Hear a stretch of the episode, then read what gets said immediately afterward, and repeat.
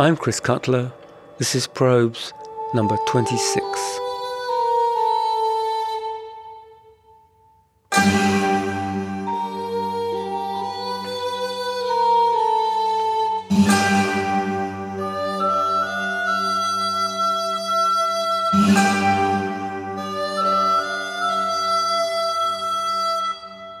In May 1917, as war raged across Europe, Jean Cocteau's Parade was being premiered in Paris. The critics were not much impressed, and after two weeks it closed. In the same month, Marcel Duchamp in New York was failing to exhibit his now legendary fountain. Times change, and it's works like these that change them. Time also changes works, because in the end, it's not what critics or even the public think that matters, but what artists subsequently do. In this respect, the significance attaching to any artwork is not simply intrinsic to it, but predicated on what comes after and as a consequence of it. Parade was the brainchild of Jean Cocteau, an impresario, I would like to say, of close to genius. It was he who wrote the initial scenario and, more importantly, put the team together that brought it to the stage.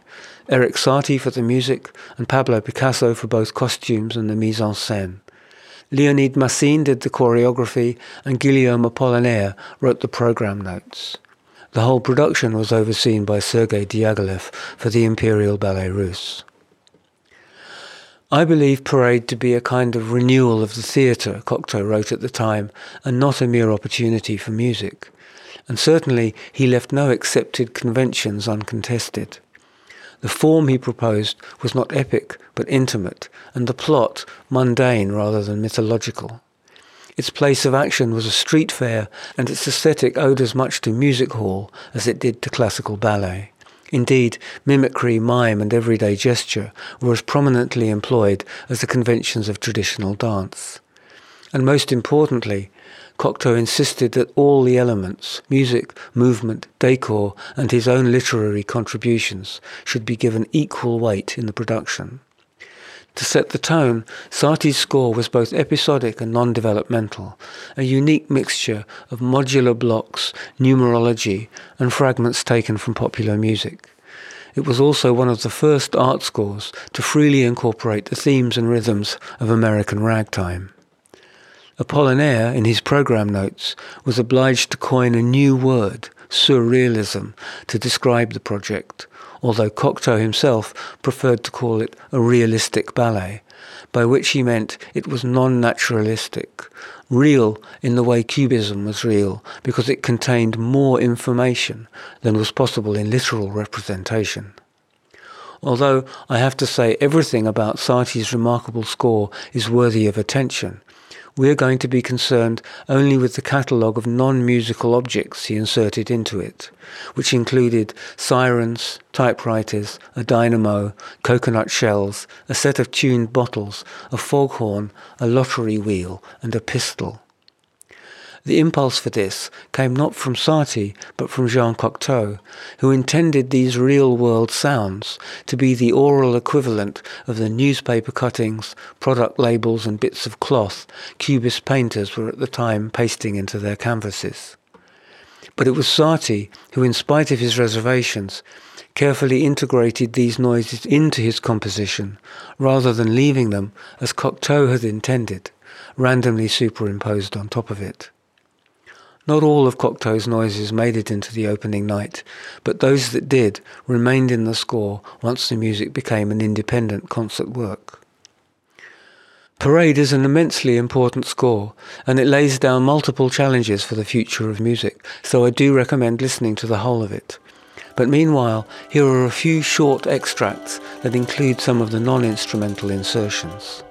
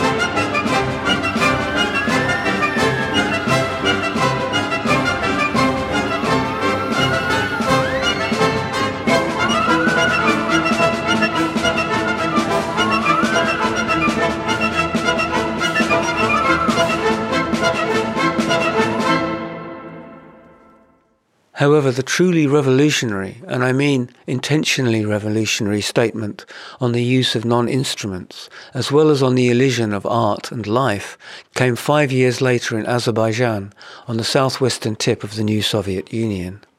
Its author, if that's the word, was the Russian polymath Arseny Avramov.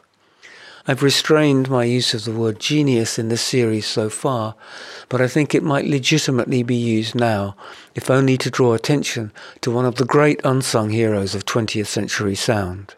A man who put not just one, but many important questions on the table, and yet is still routinely skipped over or footnoted in official histories. Between 1908 and 1911, Avramov studied music theory at the Moscow Philharmonic Society. These studies led him, like some of his contemporaries, to abandon equal temperament and begin to experiment with alternative scales. He joins the Cossack division, but is arrested within the year and imprisoned on propaganda charges. He escapes prison and gets to Norway, where he finds work first as a sailor and then with a travelling circus, where he becomes, by turns, an equestrian, an acrobat, and a musical clown. By 1913, he's back in St. Petersburg and invited onto the editorial board of the contemporary music magazine. He also starts to write for the Moscow journal Musica. In a series of articles, he clarifies his thoughts on microtonality, which he calls ultrachromatics, and makes a start on building the instruments with which to play in the new tunings. In 1916, he publishes The Upcoming Science of Music, in which he theorizes in predictive detail various possible approaches to sound synthesis the soul of a musical sound is timbre, he writes, before setting out ways in which timbres might be sampled, analyzed, processed, and resynthesized. In 1917, when Parade is being premiered in Paris and the war to end all wars is still far from ending, the October Revolution throws the whole of Russia into a creative and destructive ferment. Avramov spends the next five years traveling around the Soviet Union, overseeing a series of increasingly monumental proletarian events designed to celebrate action, noise, and revolution. The most thoroughly documented of which is the now legendary Symphony of Sirens, to which we will shortly return. By 1923, Avramov is back in Moscow and employed at the State Institute for Musical Science, where he makes the case for what he calls radio musical instruments, by which he means devices like the recently invented theremin, which he thinks will open the way to a more radical microtonality. In 1924, he's at work on the soundtrack of the Five Year Plan, Russia's first optical sound film, for which he's exploring the use of instrumental combinations and experimental recording techniques in the creation of a backdrop of atmospheric industrial noise.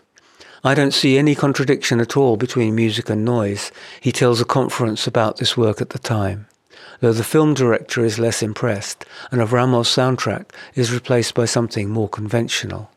But by this time, Avramov has already turned back to the question of sound synthesis, and within a year, he and his team have become the first to demonstrate the creation of purely synthetic sounds by drawing them on paper. In Germany, Rudolf Pfenninger and Oskar Fischinger are doing very similar work at exactly the same time but it's Avramov's team that comes up with the first practical demonstration.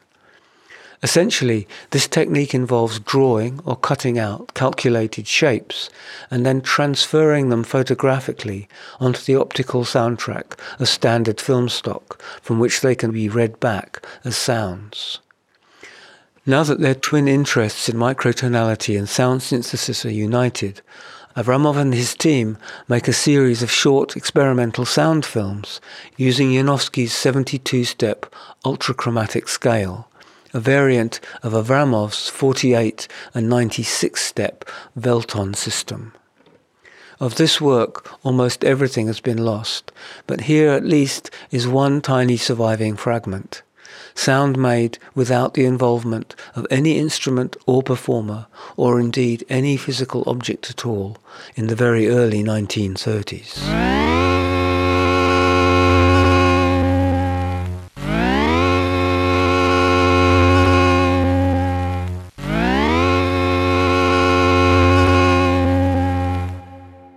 In 1937, Stalin withdraws support from all experimental projects, and Avramov leaves for Kabardino-Balkaria to study folk music. A year later, he's back in Moscow right in the middle of the Great Purge, and for the last six years of his life, he subsists without regular work or income in a one-room flat in Moscow with his wife and ten children. When he dies in 1944, there's little physical trace of his immense achievements left on the record and it's only in the last decade that some of his story has been painstakingly reclaimed.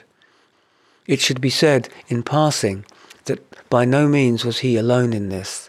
There were scores like him in the post-revolutionary years, artists and intellectuals who made the most extraordinary innovations and whose work was suppressed for purely political reasons and is only now being rediscovered and investigated.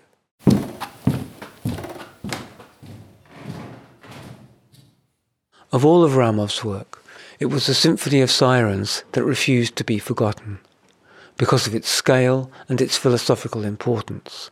And by all accounts, the most successful iteration of the symphony was the one realized in the Caspian seaport of Baku, where the orchestra of performers and instruments consisted of several strategically placed thousand voice choirs, every ship's horn in the Caspian fleet, two artillery batteries, several regiments of infantry, 25 steam locomotives, fireworks, seaplanes, and all the factory sirens in the city. In addition, Avramov had several portable instruments of his own design constructed, which he called steam whistle machines. These were arrays of 20 to 25 sirens, tuned to the notes of the Internationale. On the day before the celebration, the city's morning papers published a score detailing the planned order of events and giving exact timings. On the day itself, Avramov mounted a custom-built tower to conduct using semaphore flags. He urged the whole city to participate and made sure that all the elements of the symphony were as far as possible mobile so that they could converge for the grand finale in the city square and represent in sound the storming of the Winter Palace at the culmination of the October Revolution. Avramov's symphony was conceived as a work in which the artwork and the city, the auditorium and the stage, Russian revolutionary life and Russian revolutionary art were to be fused into a single expression of proletarian will. Of course, there's no recording, and indeed none would have been possible.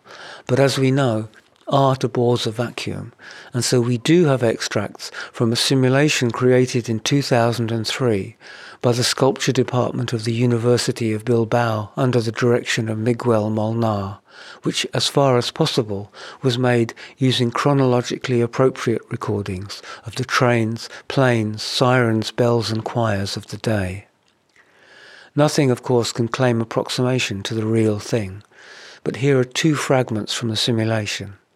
The first is taken from the opening 10 minutes and includes artillery, church bells, planes, lorries, foghorns, and sirens.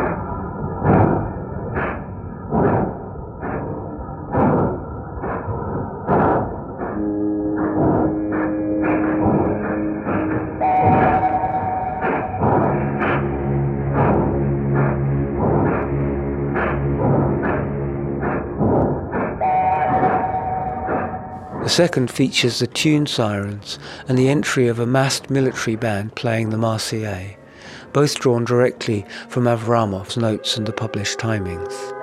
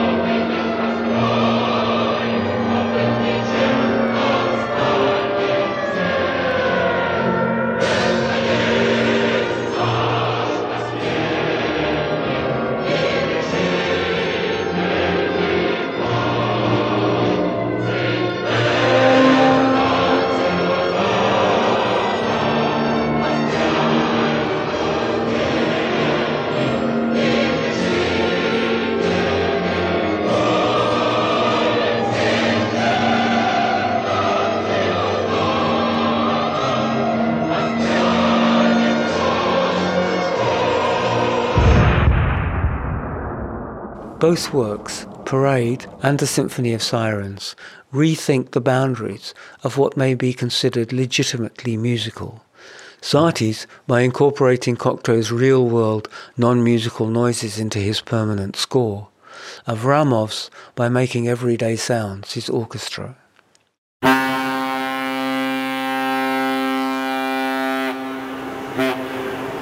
Was for purely artistic rather than revolutionary or commemorative reasons that the percussionist and composer Don Wherry established his harbour symphonies some six decades later as a regular feature of the eclectic and visionary Newfoundland Sound Symposium.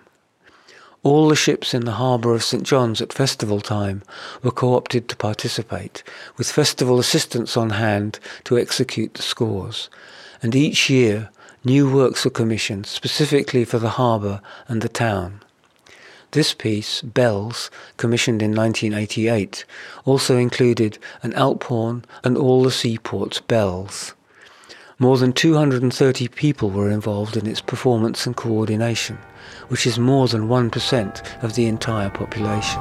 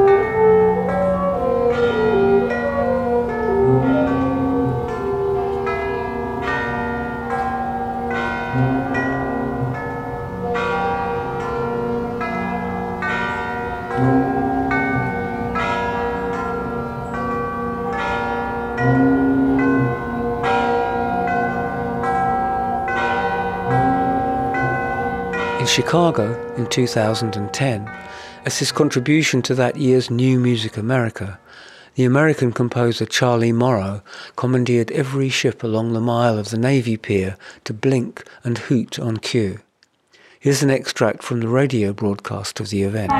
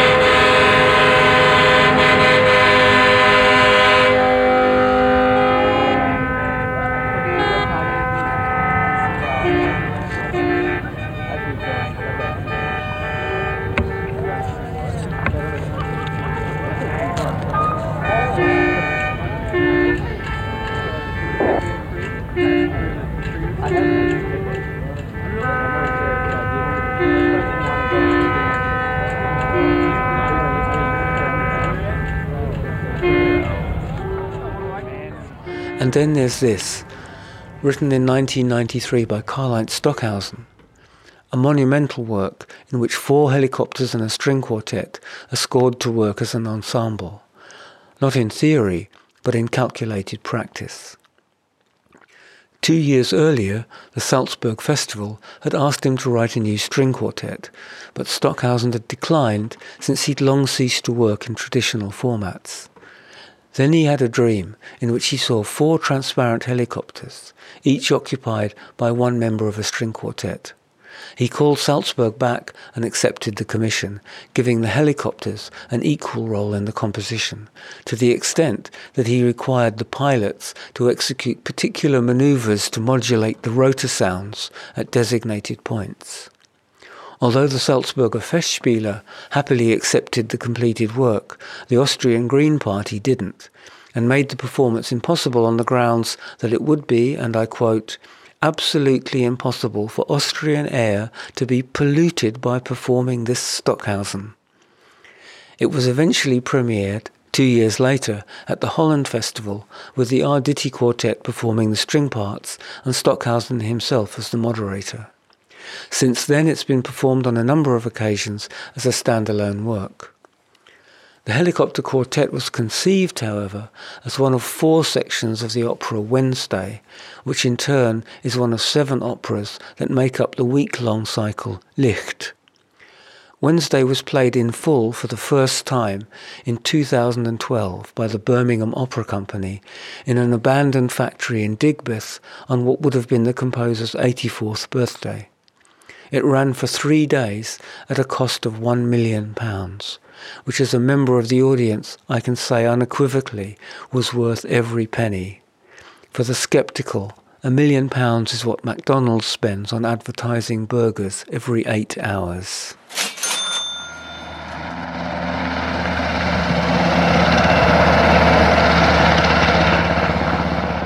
Just being in the vicinity of a helicopter when it takes off is impressive enough. But when it's amplified and enriched with strings, which as Stockhausen wrote, have to blend so well with the timbres and rhythms of the rotor blades that the helicopters sound like musical instruments, it approaches the sublime. Of course, no recording could even approach the scale and physicality of the lived event, but a recording is all we have. This is how it starts.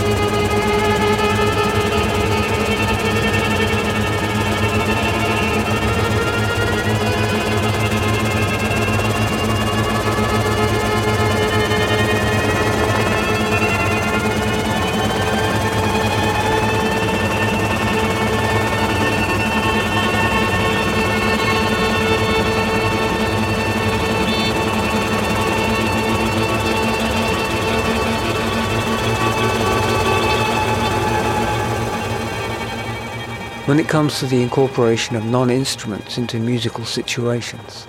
Although the Symphony of Sirens and the Helicopter Quartet are exemplary, they're also pretty untypical. Not only because of their scale, but also because of their conceptual breadth. On a more modest scale, the door through which non-instruments have always passed is the one labelled percussion.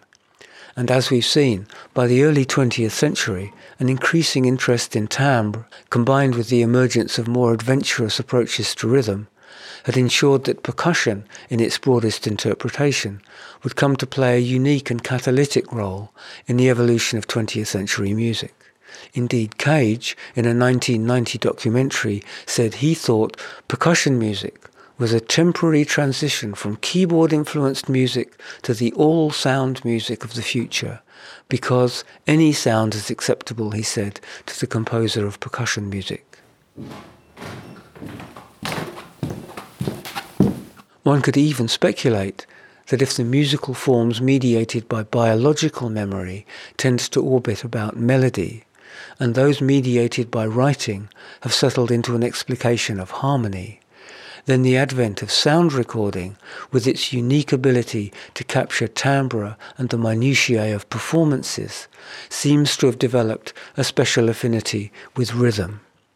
My own belief is that every music tends towards forms that emerge naturally from the explication of, amongst other constraints, the innate qualities of the mnemonic technology through which it is mediated which is to say that musical form mirrors mnemonic form.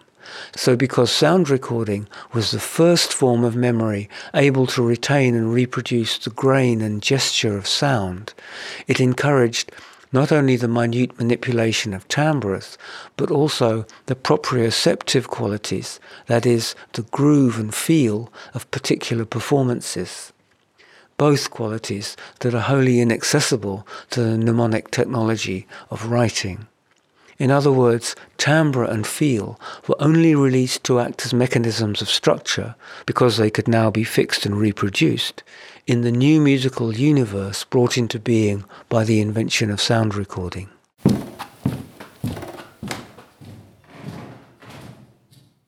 An early precedent for the inclusion of non-instrumental resources in a formal musical context was the large iron sheet that the Russian futurist composer Alexander Mosolov scored into the first movement of his ballet Steel. The ballet was eventually abandoned, but The Iron Foundry, as it has come to be known since, was performed alone in 1927 and has survived since as an independent work, frequently revived. The rest of the ballet score was lost. To give some sense of its place in time, I'll play a fragment from the earliest recording, made in 1933, by the Symphony Orchestra of Paris, conducted by Julius Ehrlich.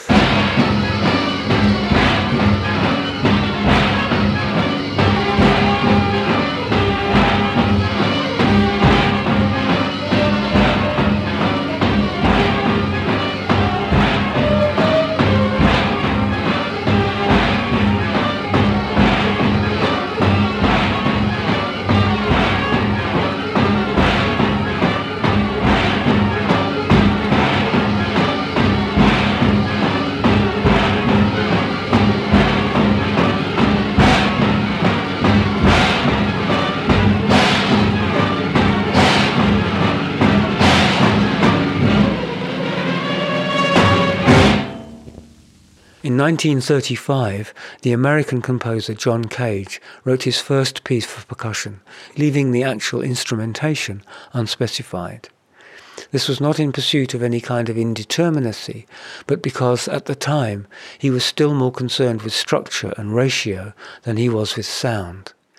Two years later, he got a job at the Cornish School in Seattle as a composer and dance accompanist, and there he assembled his first percussion orchestra, staffed not by percussionists but by dancers. This gave him, at last, an opportunity to perform his quartet, which in concert he set alongside a number of other percussion works, including pieces by Ray Green, which called for marbles and pop bottles, and William Russell, whose instrumentation included a dinner bell, a steel bar, a bottle, and a saw. In the instrument list for his own work, Cage wrote automobile parts, because in the two years since the quartet had been written, his attitude towards the specificity of sound had radically changed. This was a result, he told interviewers many times, of his encounter with the German experimental filmmaker Oskar Fischinger, who had told him that there was a spirit in every object and that to liberate it, it was only necessary to brush past it and draw forth its sound. That set me on fire, Cage told Richard Kostelanetz. Fischinger started me on a path of exploration of the world around me, hitting and stretching and scraping and rubbing everything. I began to tap everything I saw. So when it was time to populate his percussion quartet with real sounds, he began to look for them in everyday objects. We experimented with pieces of junk, he wrote, brake drums and things from the kitchen. Nice though this story is, and very Cagean, I mean, for a man who embraced all that was random in the world, Cage did go out of his way to create order in his biographical narrative, an endeavour in which he was willingly abetted by writers unable to resist a shapely meme. Nevertheless, it does seem likely to me that at least some part in his conversion must have been played by Cage's familiarity with the likes of William Russell and their use of household objects for musical purposes.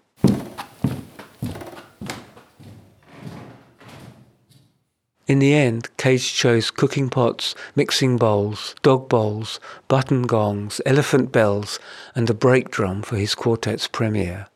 No recording was made, but here's an extract from First Construction in Metal, which Cage also premiered at Cornish two years later.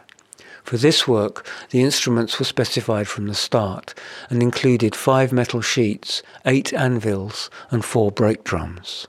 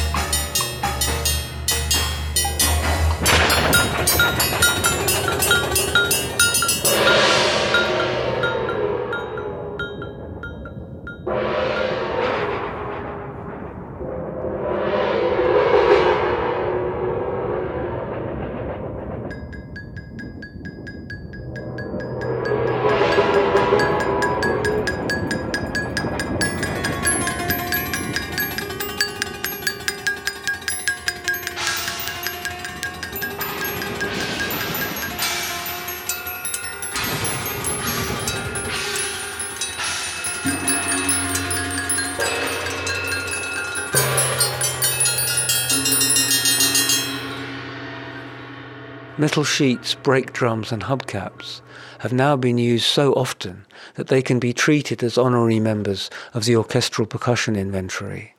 And here they are again in William Russell's Made in America, written in 1936, the year before Cage moved to Cornish. Apart from the brake drums and metal sheets, there's a suitcase, a ratchet, a washboard, some tin cans, a drum kit made out of found objects, some firecrackers, a few lengths of pipe, an alarm bell, and a lion's roar.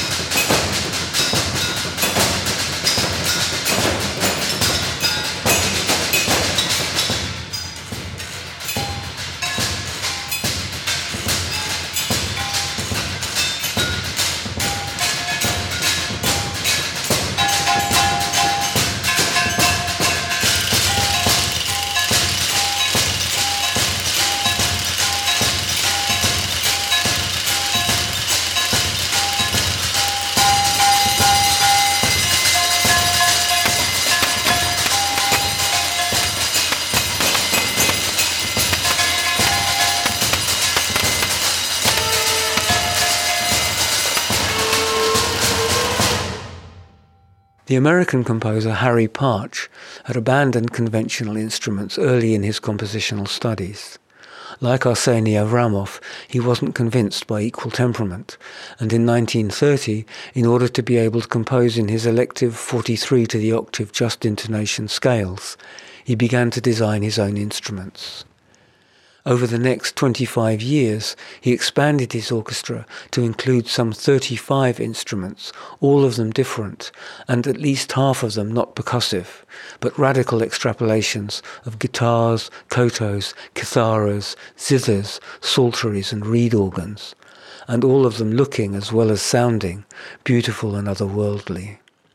In 1950, he acquired the tops and bottoms of a number of 12 gallon Pyrex carboys, which had been set aside as scrap by the Berkeley Radiation Laboratory after the centers had been removed for the manufacture of particle detectors.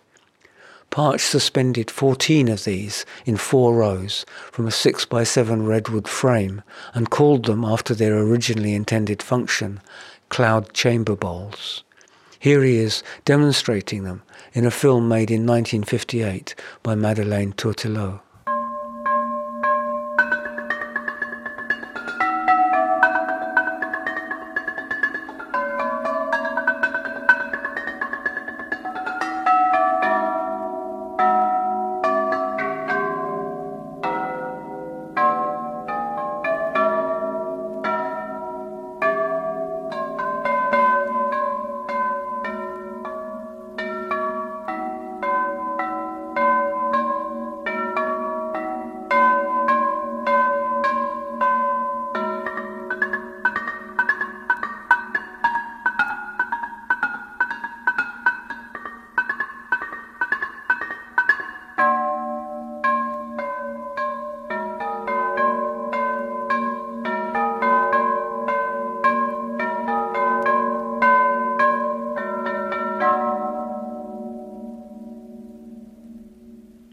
1963, Partch built his Mazda marimba out of 24 light bulbs, ranging from one and three quarter and six inches in diameter.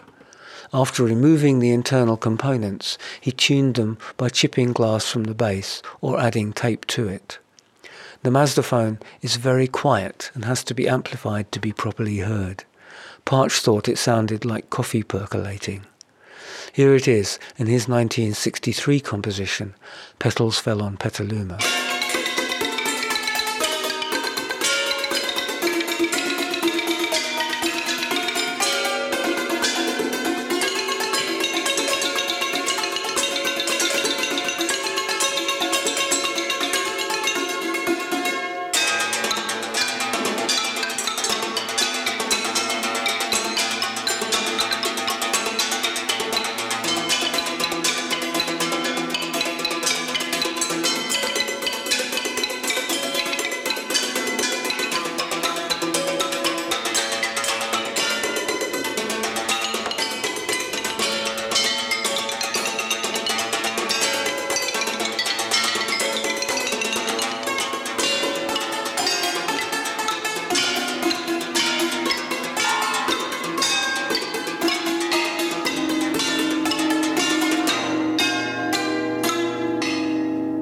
The Zymo-Xyl, which was also built in 1963, combined 17 tuned liquor and wine bottles with two Ford hubcaps and an aluminium kettle lid.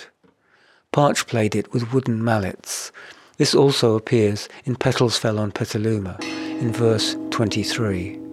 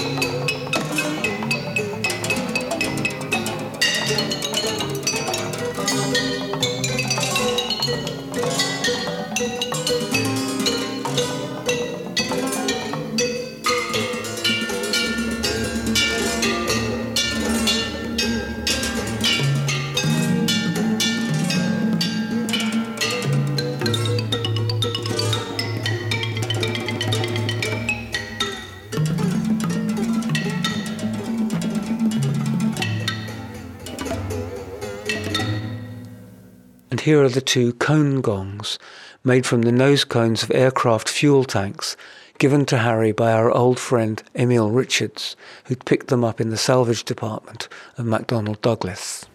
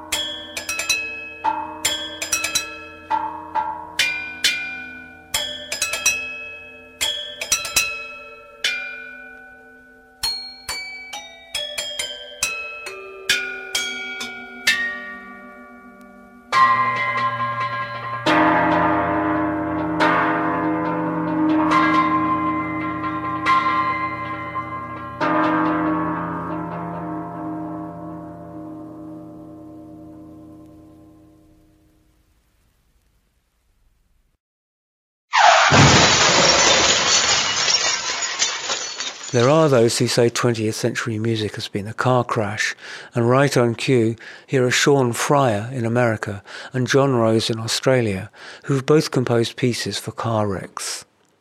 Sean Friar premiered his Clunker Concerto, scored for percussion quartet, junk car parts and chamber orchestra in New York in 2011. Here's a fragment of the best amateur recording of it I could find.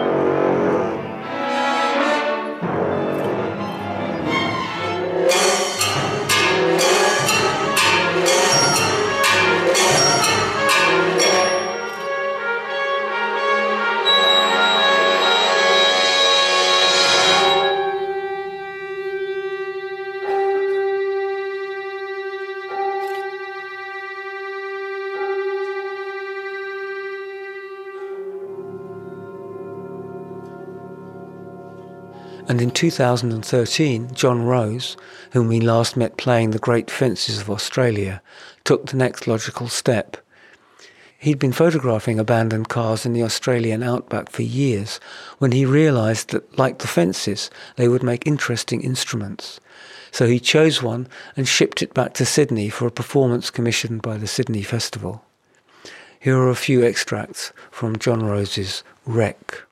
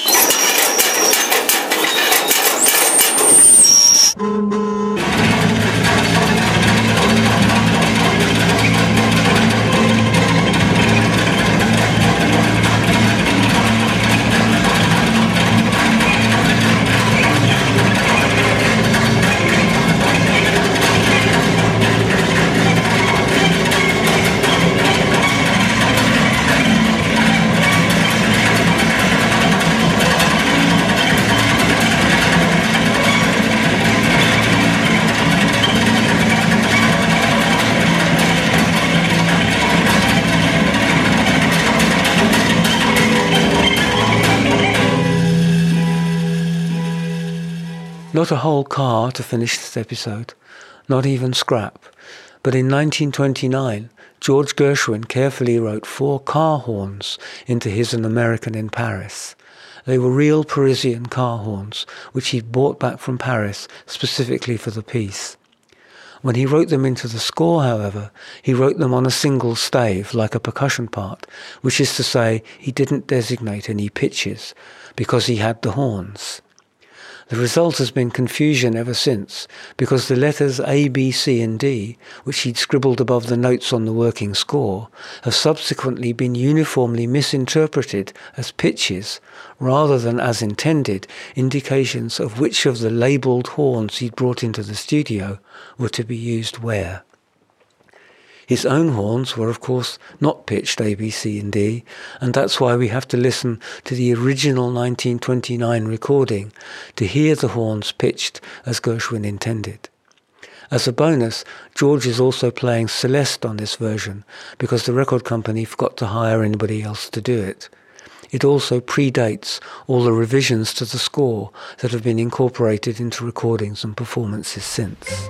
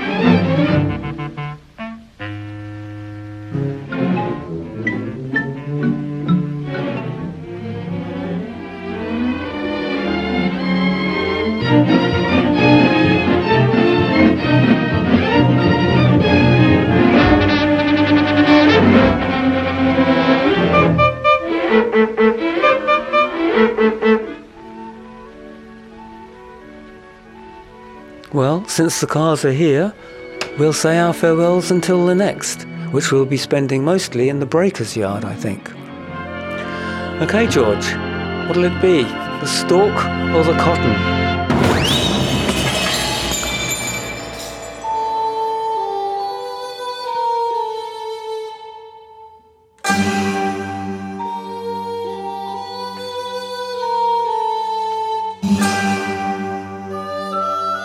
I'm Chris Cutler. This has been Probes.